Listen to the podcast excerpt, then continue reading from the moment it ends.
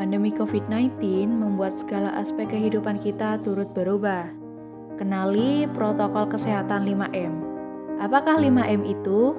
Di antaranya adalah menggunakan masker, mencuci tangan dengan sabun, menjaga jarak satu sama lain, membatasi kegiatan mobilitas, dan menghindari kerumunan.